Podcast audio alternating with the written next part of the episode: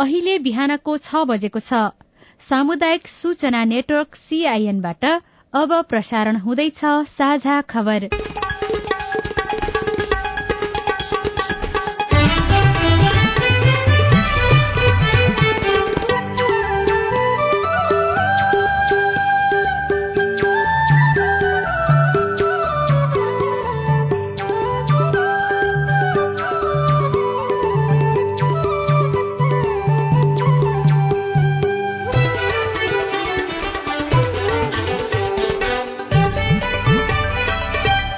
शुभ प्रभात यो सीआईएनको साझा खबर हो। सजना तिमल सिन्हासँगै राजन रुचालको तपाईँलाई स्वागत छ। सामुदायिक रेडियोबाट देशैभरि एकैसाथ प्रसारण भइरहेको साझा खबर सीआईएन खबर डट कम र मोबाइल एप सीआईएनबाट पनि सुन्न सकिन्छ। आज दुई हजार उनासी साल माघ पच्चीस गते बुधबार फेब्रुअरी आठ तारीक सन् दुई हजार तेइस नेपाल सम्मत एघार सय त्रिचालिस फाल्गुन कृष्ण पक्षको तृतीया तिथि।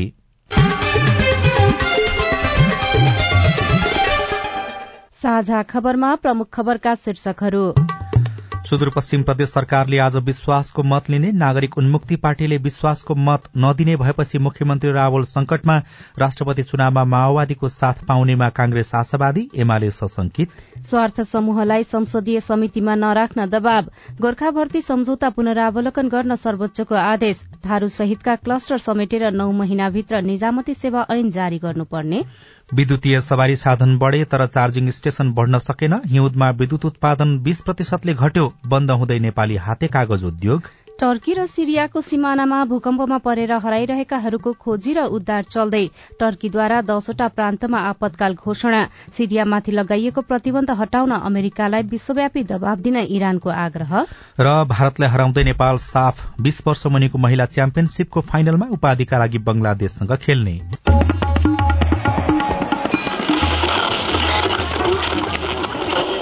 सयौं रेडियो। हजारौं रेडियो कर्मी र करोड़ौं नेपालीको माझमा यो हो सामुदायिक सूचना नेटवर्क सीआईएन साझा खबरको सबैभन्दा शुरूमा सुदूरपश्चिम प्रदेश सरकारले आज लिने विश्वासको मत सम्बन्धी प्रसंग नागरिक उन्मुक्ति पार्टीले आफ्ना नेता रेशम चौधरीको रिहाई नभएसम्म विश्वासको मत नदिने निर्णय गरेपछि सुदूरपश्चिमका मुख्यमन्त्री राजेन्द्र सिंह रावलको पद जोखिममा परेको छ। संवैधानिक व्यवस्था अनुसार उहाँले बिहिबार भित्र विश्वासको मत लिनुपर्नेछ। त्यही प्रयोजनका लागि आज प्रदेशसभा आह्वान गरिएको छ। एमाले संसदीय दलका नेता रावल उनातिस प्रदेशसभा सदस्यको समर्थनमा गत पुस सत्ताइस गते मुख्यमन्त्रीमा नियुक्त हुनुभएको थियो। नियुक्त भएको तीस दिनभित्र मुख्यमन्त्रीले प्रदेशसभाबाट विश्वासको मत लिनुपर्ने संवैधानिक व्यवस्था छ। माघ छब्बीस अर्थात भोलिसम्ममा प्रदेशसभामा विश्वासको मत नलिए रावल नेतृत्वको सरकार स्वत ढल्नेछ। अन्य छ प्रदेशका मुख्यमन्त्रीले भने विश्वासको मत लिइसकेका छन्। प्रदेशसभाको अंकगणित अनुसार नागरिक उन्मुक्ति पार्टीले समर्थन नगरेसम्म सरकारलाई बहुमत पुग्दैन। तर हिजो मात्रै नागरिक उन्मुक्ति पार्टीले माग पूरा नभएसम्म मुख्यमन्त्रीलाई विश्वासको मत नदिने निर्णय गरेको छ।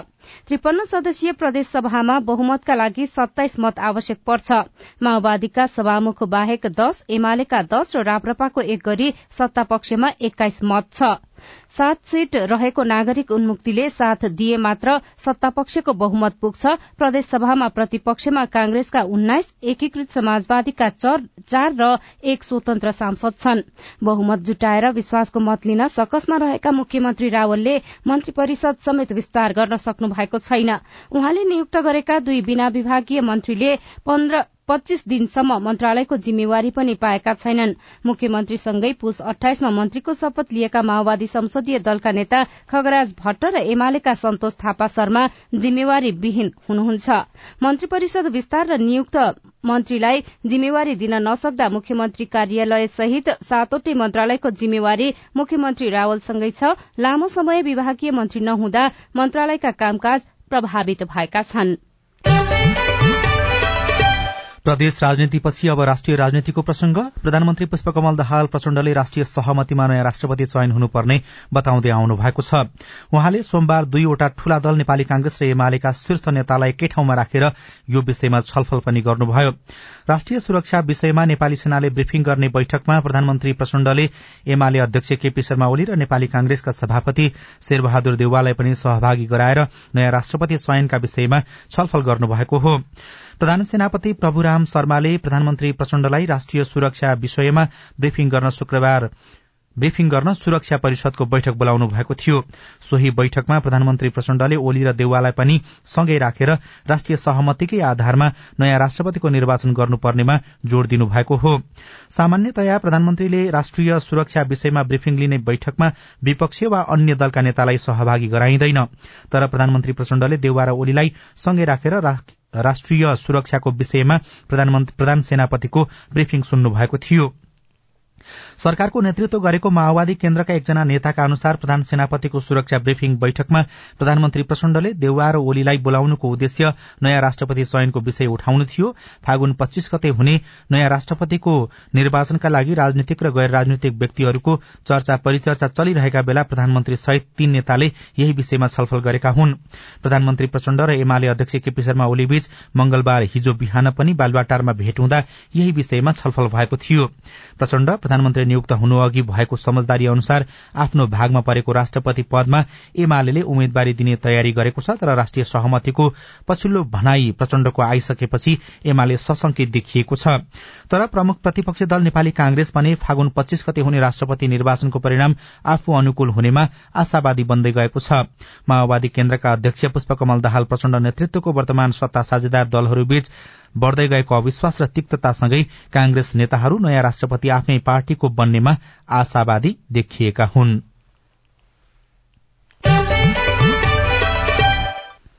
अमेरिकी राजनीतिक मामिला उपमन्त्री भिक्टोरिया नुल्याण्ड नेपाल भ्रमणबाट फर्किएको सातौं दिन हिजो अमेरिकी अन्तर्राष्ट्रिय विकास नियोग युएसएआईडी का प्रमुख सामन्ता पावर काठमाण्डु आइपुग्नु भएको छ।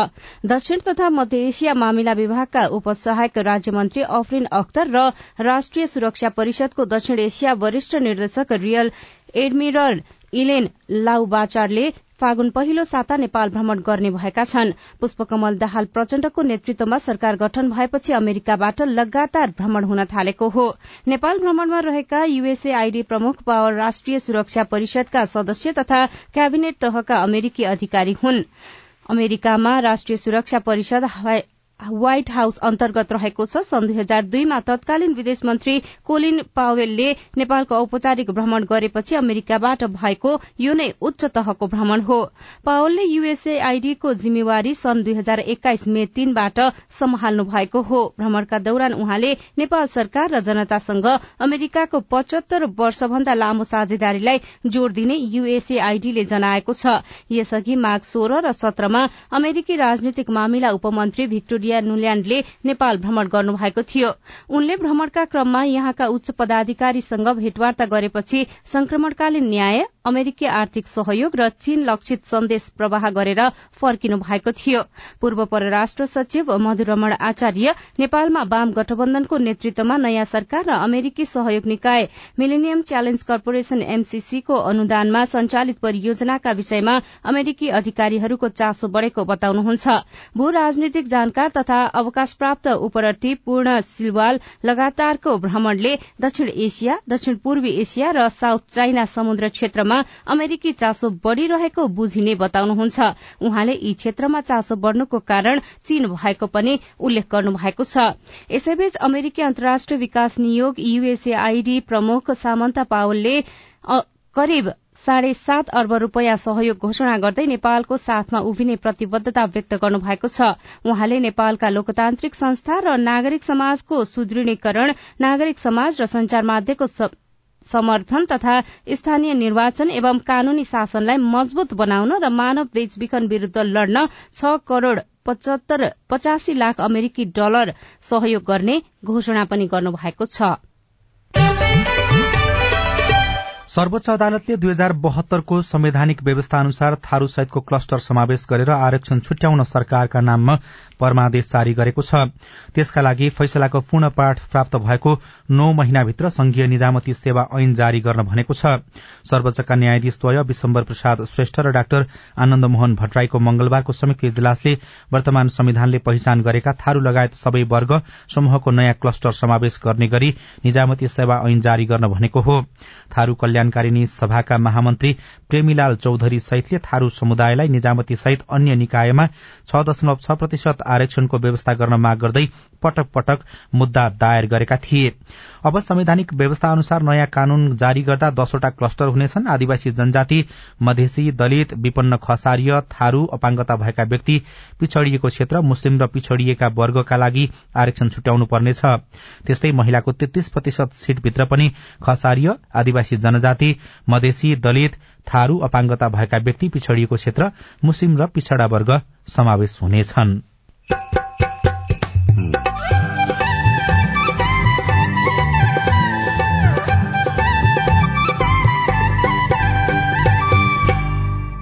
सामुदायिक सूचना नेटवर्क सीआईएन मार्फत देशभरि प्रसारण भइरहेको साझा खबरमा केन्द्रीय विद्युतको पर्खाइमा ग्रामीण बस्ती।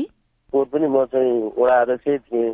मेरो कार्यकालमा पनि पाँच वर्ष आउन सकेन। अहिले नगर प्रमुख भएको छ राष्ट्रिय प्रचार लाइन आउँछ आउँछ भनेका छन्। कार्यकालभित्र आउँदैन। स्वार्थ समूहलाई संसदीय समितिमा नराख्न दबाव गोर्खा भर्ती सम्झौता पुनरावलोकन गर्न सर्वोच्चको आदेश लगायतका खबर बाँकी नै छन्। सीआईएनको साझा खबर सुन्दै गर्नुहोला। जलवायु परिवर्तनले मानव जीवन र प्राकृतिक प्रणालीमा विश्वव्यापी प्रभाव पारेको छ।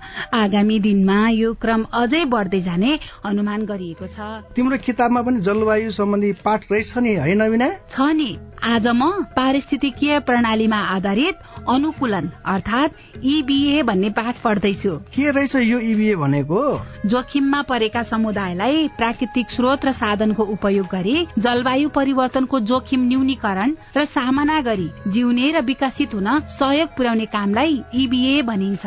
जलवायु परिवर्तनको प्रतिकूल प्रभावको सामना गर्न समुदायहरूलाई सहयोग पुर्याउने यो एउटा नयाँ अवधारणा हो। ए अनि खेती किसानी गर्ने हामीलाई पनि यसले फाइदा गर्छ? गर्छ नि। सुक्खा ठाउँहरूमा कम चिस्यानमा हुर्कन सक्ने बाली नाली लगाउने अनि पहिरो जान सक्ने क्षेत्रमा पहिरो रोकथाम गर्न सक्ने र उपयोगी बिरुवा लगाउने। समुदायलाई फाइदा हुने गरी वन चरण पानीको मुहान जस्ता स्रोतको दिगो व्यवस्थापन गर्ने कामहरू इबी अन्तर्गत पर्छन् क्या? उसो भए त यो गजबको कुरा रहेछ त।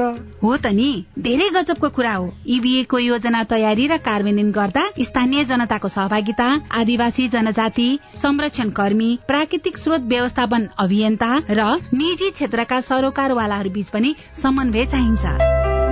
जलवायु परिवर्तनले निम्ताएका चुनौतीको सामना गर्न जमिन जल र प्राकृतिक स्रोत व्यवस्थापनका सर्वोत्तम उपलब्धिहरूको कार्यान्वयन गरौं। पारिस्थितिकीय प्रणालीमा आधारित अनुकूलन आयोजना जलवायु परिवर्तन तथा व्यवस्थापन महाशाखा वन तथा वातावरण मन्त्रालय र सीआईएन सामाजिक रूपान्तरणका लागि यो हो सामुदायिक सूचना नेटवर्क सीआईएन तपाईँ अहिले देशभरिका सामुदायिक रेडियो सीआईएन खबर डट कम र मोबाइल एप सीआईएनबाट एकैसाथ साझा खबर सुन्दै हुनुहुन्छ। अब आज काठमाडौँबाट प्रकाशित पत्र पत्रिकाका खबर। कान्तिपुर दैनिकमा स्वार्थ समूहलाई संसदीय समितिमा नराख्न दबाव शीर्षकमा खबर छापिएको छ।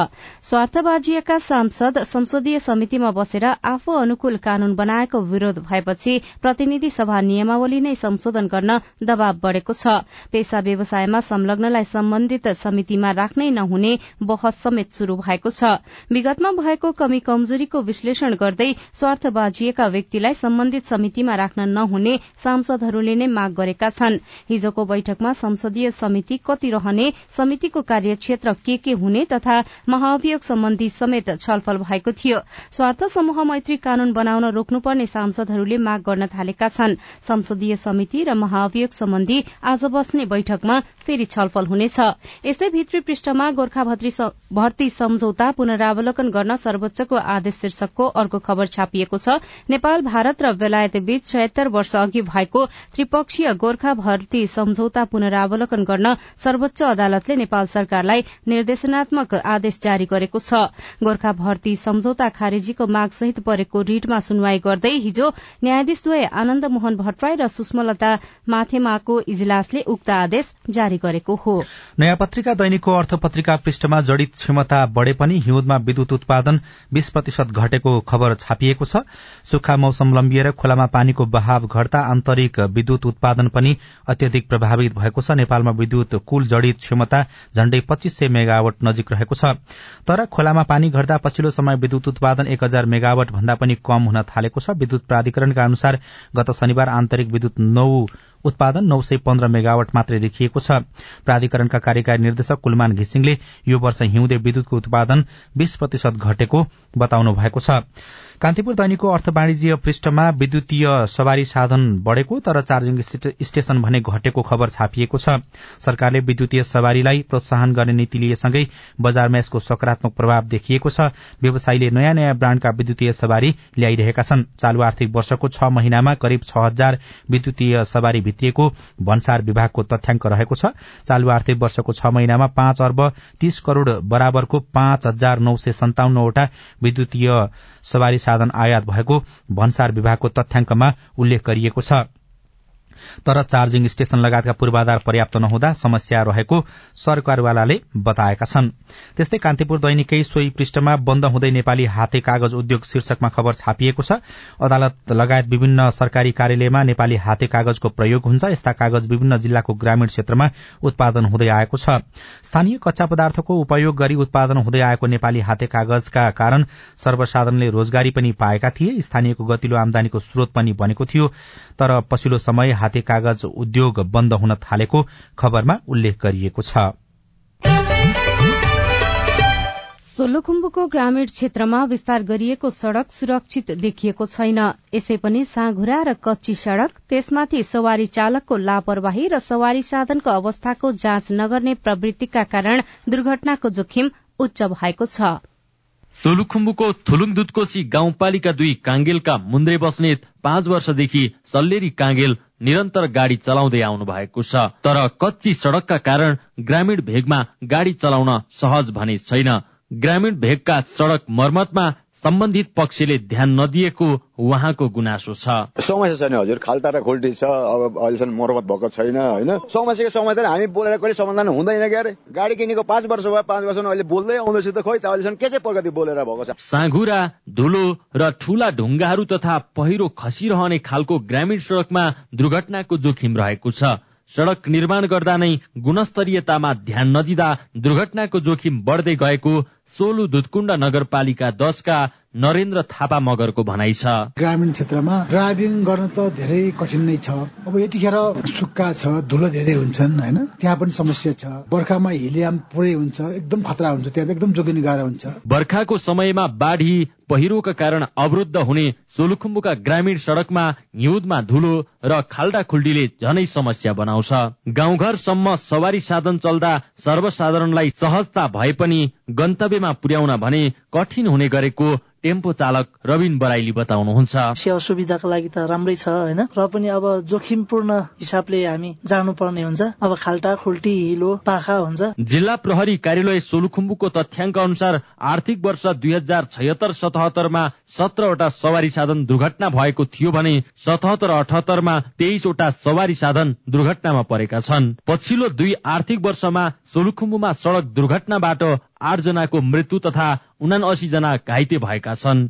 ट्राफिक प्रहरी कार्यालय सोलुखुम्बुका प्रमुख कृष्ण कटवाल। यो ग्रामीण क्षेत्रमा सड़क मात्रै पुगेको छ अब स्तरोन्नति र उपयुक्त किसिमका सवारी सड़कहरू नपुगेको कारणले गर्दाखेरि ग्रामीण क्षेत्रमा सवारी दुर्घटनाहरू बढ्दो किसिमकै छ भन्नुपर्छ। भौगोलिक रूपमा विकट सोलुखुम्बुका सड़कहरू राम्रो अवस्थाको नहुँदा दुर्घटनाको जोखिम बढ़िरहेको भए पनि सम्बन्धित पक्षको ध्यान पुग्न सकेको छैन। Raman one. CIN Solu FM Solukhumbu साझा खबरमा अब हेलो सीआईएन सुनिल राज भारतबाट सीआईएनको कार्यक्रम संवादमा क्यान्सर रोग बारेको कुराकानी सुनिसकेपछि मकवानपुरबाट आसिन राईले नेपालका कुन कुन सरकारी अस्पतालमा क्यान्सर रोगको उपचार हुन्छ भनेर जिज्ञासा राख्नु भएको छ। यसबारे जानकारी दिँदै हुनुहुन्छ क्यान्सर रोग विशेषज्ञ डाक्टर उज्जवल चालिसे। सरकारी तौरबाटै तीनवटा अस्पताल सञ्चालित छ क्यान्सरको लागि। भरतपुरमा BP Koirala memorial cancer hospital भक्तपुरमा Bhaktapur cancer hospital र बाँकेमा चाहिँ खजुरामा चाहिँ सुशील कोइराला क्यान्सर हस्पिटल। तीनवटा सरकारी क्यान्सर अस्पताल छन्। त्यसबाहेक अब शिक्षण अस्पताल महाराजगंजमा पनि क्यान्सरको उपचार हुन्छ। अब सिभिल अस्पताल अनि वीर अस्पतालदेखि लिएर अरू पनि क्षेत्रीय अस्पतालहरूमा पनि उपचार हुन्छ। तर सबै उपचार एकै ठाउँमा उपलब्ध नहुन सक्छ। क्यान्सरको उपचारमा चाहिँ एक किसिमको उपचारले मात्रै नपुग्ने हुन्छ प्राय। त्यस्तोमा चाहिँ अब जुन उपचार त्यहाँ हुन्छ त्यहाँ हुन्छ र बाँकी उपचारको लागि अब क्यान्सर हस्पिटलमा रिफर हुन सक्छ।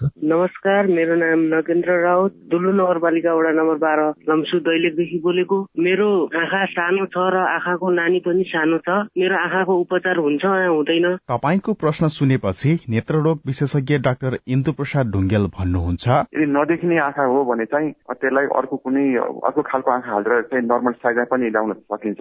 तर देख्ने चाहिँ हुँदैन। देख्ने आँखा हो भने चाहिँ चस्माले हुन्छ कि अथवा अरू कुनै सर्जरीले हुन्छ देख्न हुने सक्ने चाहिँ तुलाउन सकिन्छ। तर साइज चाहिँ ठुलो बनाउन सकिँदैन। नमस्ते मेरो नाम गीता ओली। खोराई उपमहानगरपालिका दाङबाट हो। मुटुको शल्यक्रिया गरेको बिरामीहरूलाई शल्यक्रिया गर्ने डाक्टरको सिफारिस लिई आफू स्थायी रूपमा बसेको वडामा बुझाए वडाबाट मासिक औषधि खर्च बापत रकम मिल्छ रे भन्नेको सुनेको थिए। यो साँचो हो कि झुटो हो? तपाईँको जिज्ञासामा दाङको घोराही उपमहानगरपालिकाका प्रमुख प्रशासकीय अधिकृत भोजराज घिमिरेको जवाब छ। सुनेको कुरा छ। यो नेपाल सरकारले मुटु रोग क्यान्सर रोग मृगौला प्रत्यार्पण गरेका र मेरुदण्ड पक्षघात भएका बिरामीहरूलाई मासिक पशु उपचारबाट रु पाँच हजार दिने नेपाल सरकार नीति रहेको छ। त्यो आधारमा हामीले पनि विवरण सङ्कलन गरिरहेका छौँ। तर त्यसमा एउटा कार्यविधि अनुसार चाहिँ के छ भने यो सबै बिरामीले पाउने होइन। यदि त्यहाँको को परिवारलाई पनि त्यो गरिब परिवार पहिचानको परिचय पत्र प्राप्त गर्नुभयो भने मात्र त्यो परिवारको सदस्यले मात्र यो सुविधा पाउने हुनाले यहाँहरू त्यो परिवारभित्र पर्नुहुन्छ कि पर्नुहुन्न एकचोटि वडा कार्यालयमा सम्पर्क गरेर यकिन गर्नुहुन अनुरोध गर्छु। तपाईँ जुनसुकै बेला हाम्रो टेलिफोन नम्बर शून्य एक बान्न साठी छ चार छमा फोन गरेर आफ्नो विचार गुनासो प्रश्न तथा प्रतिक्रिया रेकर्ड गर्न सक्नुहुनेछ। साझा खबरमा अब विदेशका खबर। टर्की र सिरियाको सिमानामा गएको भूकम्पमा परेर हराइरहेकाहरूको खोजी तथा उद्धारको काम चलिरहेको छ। तर चिसो मौसमका कारण खोजी र उद्धारमा समस्या भएको उद्धारकर्तालाई उद्धृत गर्दै अन्तर्राष्ट्रिय संचार माध्यमले जनाएका छन्। केही परिवारले भने उद्धारकर्ताले ढिला गरी प्रतिक्रिया दिँदा समस्या भएको गुनासो पनि गरेका छन्। अहिलेसम्म टर्कीमा पाँच हजार आठ सय चौरानब्बे जना र सिरियामा एक हजार नौ सय बत्तीस जनाको मृत्यु भएको समाचार संस्था एएफपीले जनाएको छ। यस्तै टर्कीले दक्षिणी भेगको दसवटा प्रान्तमा आपतकाल घोषणा गरेको छ। सोमबार गएको भूकम्पमा परेर झण्डै छ हजार जनाको मृत्यु भएकाले भूकम्प प्रभावित दसवटा प्रान्तमा तीन महिनाको लागि आपतकाल घोषणा गरिएको राष्ट्रपति रेसेप तायब इर्दगानले बताउनु भएको छ। र भूकम्प प्रभावित सिरियामाथि लगाइएको प्रतिबन्ध हटाउन अमेरिकालाई विश्वव्यापी दबाव दिन इरानले आग्रह गरेको छ। इरानी विदेश मन्त्रालयका प्रवक्ताले भूकम्प प्रभावित सिरियाली क्षेत्रमा अन्तर्राष्ट्रिय सहायता पुर्याउन सिरियामा माथिको नाकाबन्दी र घेराबन्दी हटाउन अमेरिकालाई दबाव दिन विभिन्न देशहरूलाई आह्वान गर्नुभएको हो। साझा खबरमा अब खेल खबर। नेपाल दक्षिण एसियाली साफ बीस वर्ष मुनिको महिला च्याम्पियनशीप फुटबल प्रतियोगिताको फाइनलमा पुगेको छ। नेपाली महिला टोलीले मंगलबार हिजो बंगलादेशको ढाकामा उपाधि दावेदार भारतमाथि तीन एकको शानदार जित निकाली अन्तिम दुईको स्थान पक्का गरेको हो। अब नेपालले उपाधिका लागि बंगलादेशसँग खेल्ने सम्भावना प्रबल देखिएको छ। न्यू डायमण्ड युथ स्पोर्ट क्लबले छैटौं राष्ट्रिय महिला भलिबल प्रतियोगिताको उपाधि जितेको छ। दशरथ रंगशालाको कबड़ हिजो भएको फाइनलमा साबिक विजेता पीएफ क्लबलाई तीन दुईको रोमाञ्चक सेटमा पराजित गर्दै न्यू डायमण्डले उपाधि उचालेको हो। र भारतको नयाँ दिल्लीमा तेह्रदेखि सत्ताइस मार्चमा हुने आइबा महिला विश्व च्याम्पियन विश्व बक्सिङ च्याम्पियनशीपमा नेपालका अञ्जली तेली र मिनु गुरूङ छनौट हुनुभएको छ। ग्रामीण क्षेत्रमा कहिलेसम्म भइसक्छ विद्युतीकरण? रेडियो रिपोर्ट अरू खबर र कार्टुन पनि बाँकी नै छ। सीआईएनको साझा खबर सुन्दै गर्नुहोला।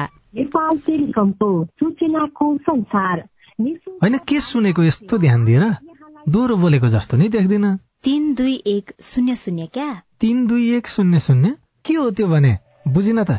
ल सुन। एनटिसी प्रयोगकर्ताहरूले आफ्नो मोबाइल तथा ल्यान्डलाइनमा तीन दुई एक शून्य शून्य डायल गरी समाचार रेडियो कार्यक्रम खेल र अन्य विषय बारे सन्देशहरू जुनसुकै बेला निशुल्क सुन्न सक्छन्। ओहो निशुल्क? कस्तो सजिलो। समाचार सुन्न छुट्यो भनेर पिर लागेको थियो। अब त म पनि सुनिहाल्छु। कति रे? तिन दुई एक शून्य शून्य। सामाजिक रूपान्तरणका लागि यो हो सामुदायिक सूचना नेटवर्क सीआईएन साझा खबरमा अब बिजुली पर्खाईमा रहेका ग्रामीण बस्तीको कुरा। नेपाल विद्युत प्राधिकरणले चालू आर्थिक वर्षमा करिब एघार अर्ब रूपियाँ बराबरको बिजुली भारतलाई बेच्यो। नेपाललाई बढ़ी भएको बिजुली भारत निर्यात गरिरहँदा देशभर आठ प्रतिशत नागरिकको घरमा अझै बिजुली बलेको छैन। खास गरी कर्णाली र सुदूरपश्चिम प्रदेशका नागरिक बिजुलीको उज्यालो पर्खिरहेका छन्। सुदूरपश्चिमका धेरै गाउँ बस्तीमा बिजुलीको उज्यालो पुगेको छैन। बैतडीको पाटन र दशरथचन्द नगरपालिका बाहेक अन्य पालिकाका बासिन्दाले राष्ट्रिय प्रसारण लाइनको बिजुली बाल्न पाएका छैनन्। बैतडीको मेलौली नगरपालिकाका मदन सिंह विष्ट सरकारले चासो नदिएकै कारण आफूहरू अन्धकारमा बस्नु परिरहेको बताउनुहुन्छ। यहाँबाट सौ मिटर पारी डलरा जिल्लाको भागेश्वर गाउँपालिका वार्ड नम्बर तीन र अझै मेरो गाउँपालिका वार्ड नम्बर छ भण्डारी गाउँ हुने स्थान पर्छ। त्यहाँबाट एक पोल राख्दाखेरि मेलो नगरपालिका आठलाई बिजुली टच गराउन सकिन्छ। तर नयाँको स्थानीय निकायले त्यहाँ ध्यान दिएछ न नेपाल विद्युत प्राधिकरणले कसैले ध्यान दिएछ। सबै ठाउँमा तत्कालै केन्द्रीय प्रसारण पुग्न असम्भव भएकाले सौर्य ऊर्जा तथा लघु जलविद्युतको बिजुली मार्फत पनि स्थानीय आवश्यकता परिपूर्ति गर्ने प्रयास भइरहेको छ। स्थानीय तहले पनि लघु जलविद्युत आयोजना बनाइरहे पनि त्यो पर्याप्त छैन। दुईवटा ओडामा आंशिक बिजुली पुगेको बैतडीको मेलौली नगरपालिकाका मेयर भीम बहादुर चन्द। लाइन जडान गर्ने कुरा ढुवानी गर्ने कुरा र त्यसलाई चाहिँ खाडल खनेर खम्बाहरू गाड्ने उसमा चाहिँ हामी नगरपालिकाले चाहिँ सहयोग गर्ने र आफूले त्यसलाई पहल गर्ने पहल गरेर त्यो गर्ने। अनि चाहिँ पोहोर र तार चाहिँ नेपाल विद्युत प्राधिकरण त्यो प्रदेशले चाहिँ उपलब्ध गराउने भनेर चाहिँ सम्बोधन गरिरहेको छु। चारवटा ओडामा बिजुली नपुगेको मुगुको छायानाथ रारा नगरपालिकाले यसै वर्ष बीस किलोवाटको लघु जलविद्युत आयोजना निर्माण गर्दैछ। यस्तै नब्बे किलोवाटको अर्को आयोजना निर्माण गर्न साढे दुई करोड़ बजेट विनियोजन गरिएको छ। मेयर विष्णु कुमार भामले केन्द्रीय प्रसारणको बिजुली कहिले पुग्छ भन्ने टुङ्गो नभएकाले लघु जलविद्युत आयोजनालाई प्राथमिकता दिइएको बताउनुभयो। पनि म चाहिँ वडा मेरो कार्यकालमा पनि पाँच वर्ष आउन सकेन। अहिले नगर प्रमुख भएको छ राष्ट्रिय प्रसारण लाइन आउँछ आउँछ भनिरहेका छन्। कार्यकालभित्र आउँदैन। यो चाहिँ त्यही भएर मैले चाहिँ केही नभए पनि मिनी हाउटी पावरसम्म बनाएपछि भोलि आउने राष्ट्रिय लाइन पनि केही संस्था पुऱ्याएला भन्ने कुराहरूले मैले अगाडि बढाएँ। कडाली प्रदेशमा सडसठी प्रतिशत र सुदूरपश्चिम प्रदेशमा चालिस प्रतिशत घरमा अझै बिजुली पुगेको छैन। कडाली प्रदेशको भौतिक पूर्वाधार ऊर्जा तथा जलस्रोत मन्त्रालयका अनुसार प्रदेशमा विद्युत सेवा विस्तार गर्न तीस करोड़ बजेट विनियोजन गरिएको छ। मन्त्रालयका senior divisional engineer Gopal Sharma.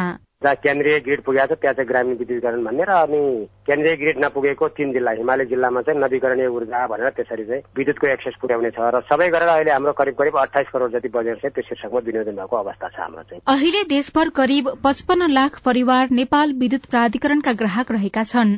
आगामी दुई वर्षभित्र देशका सबै घरमा बिजुली पुर्याउने लक्ष्यका साथ काम गरिरहेको प्राधिकरणका प्रवक्ता सुरेश बहादुर भट्टराईको भनाइ छ। एसियन इन्फ्रास्ट्रक्चर डेभलपमेन्ट ब्याङ्क र युरोपियन इन्फ्रास्ट्रक्चर डेभलपमेन्ट ब्याङ्कले कर्णाली र प्रदेश नम्बर सातको प्रत्येक नेपालीको घरमा बत्ती पुर्याउने हिसाबले हामीले एउटा प्रोजेक्टहरू टेन्डरिङ फेजमा हामीले लगिसक्यौँ। अब त्यो प्रोजेक्ट इम्प्लिमेन्ट भएको दुई वर्षभित्र सबै काम सकिसक्छ। देश बिजुलीमा आत्मनिर्भर भइसक्दा पनि अझै समग्रमा आठ प्रतिशत नागरिक टुकीको भरमा छन्। त्यसमा पनि कडाली र सुदूरपश्चिमका बाँकी क्षेत्रमा आगामी दुई वर्षमा विद्युतीकरण गरिसक्ने विद्युत प्राधिकरणको लक्ष्य पूरा हुन कठिन देखिएको छ। उषा तामाङ रिपोर्टसँगै हामी साझा खबरको अन्त्यमा आइपुगेका छौं। सामुदायिक रेडियो प्रसारक संघद्वारा संचालित सीआईएनको बिहान छ बजेको साझा खबर सक्नु अघि मुख्य मुख्य खबर फेरि एकपटक। सुदूरपश्चिम प्रदेश सरकारले आज विश्वासको मत लिने। नागरिक उन्मुक्ति पार्टीले विश्वासको मत नदिने भएपछि मुख्यमन्त्री रावल संकटमा राष्ट्रपति चुनावमा माओवादीको साथ पाउनेमा कांग्रेस आशावादी एमाले सशंकित स्वार्थ समूहलाई संसदीय समितिमा नराख्न दबाव गोर्खा भर्ती सम्झौता पुनरावलोकन गर्न सर्वोच्चको आदेश थारू सहितका क्लस्टर समेटेर नौ महिनाभित्र निजामती सेवा ऐन जारी गर्नुपर्ने। विद्युतीय सवारी साधन बढ़े तर चार्जिङ स्टेशन बढ़ेन। हिउँदमा विद्युत उत्पादन बीस प्रतिशतले घट्यो बन्द हुँदै नेपाली नेपाली हाते कागज उद्योग। टर्की र सिरियाको सिमानामा गएको भूकम्पमा परेर हराइरहेकाहरूको खोजी र उद्धार चल्दै टर्कीद्वारा दसवटा प्रान्तमा आपतकालको घोषणा। र भारतलाई हराउँदै नेपाल साफ बीस वर्ष मुनिको महिला च्याम्पियनशीपको फाइनलमा। साझा खबरको अन्त्यमा कार्टुन लिएका छौं? कान्तिपुर दैनिकबाट अबिनले बनाउनु भएको गजब छबा शीर्षकको कार्टुन रहेको छ। चितवनमा किसानले तरकारी सड़कमै फालेर विरोध जनाएका थिए। त्यसरी विरोध गर्नुको कारण थियो उत्पादित तरकारीले बजार नपाउनु। त्यही कुरालाई व्यङ्ग्य गर्न खोजिएको छ। हिजो झापाका किसानले पनि कुखुरा र अण्डा सड़कमै फाले उनीहरूले पनि उत्पादन लागत अनुसारको मूल्य नपाएको बताउँदै आएका छन्। तरकारी असरल्ल फालिएको सड़कमा मन्त्री जस्ता देखिने व्यक्तिको गाड़ी झण्डा हल्लाउँदै गुडिरहेको छ। भित्रबाट मन्त्री जस्ता देखिने व्यक्ति चाहिँ किसानलाई आश्वस्त बनाउँदै यसो भनिरहेका छन्। तल यस्तो लेखिएको छ। अबदेखि तपाईँहरूले यसरी बाटा तरकारी फालेर आन्दोलन गर्नुपर्ने छैन। ढुक्क आउनुहोस्। तरकारी फाल्न छिट्टै नयाँ ठाम मिलाउँछम् हवस् त प्राविधिक साथी सुनिल राज भारतलाई धन्यवाद। अहिलेलाई राजन रुचाल र सजना तिमल सिन्हा विदा भयौं। तपाईँको आजको दिन शुभ होस्। नमस्कार। यसपछि देशभरिका सामुदायिक रेडियोबाट कार्यक्रम हाम्रो पालिका प्रसारण हुनेछ। सुन्ने प्रयास गर्नुहोला।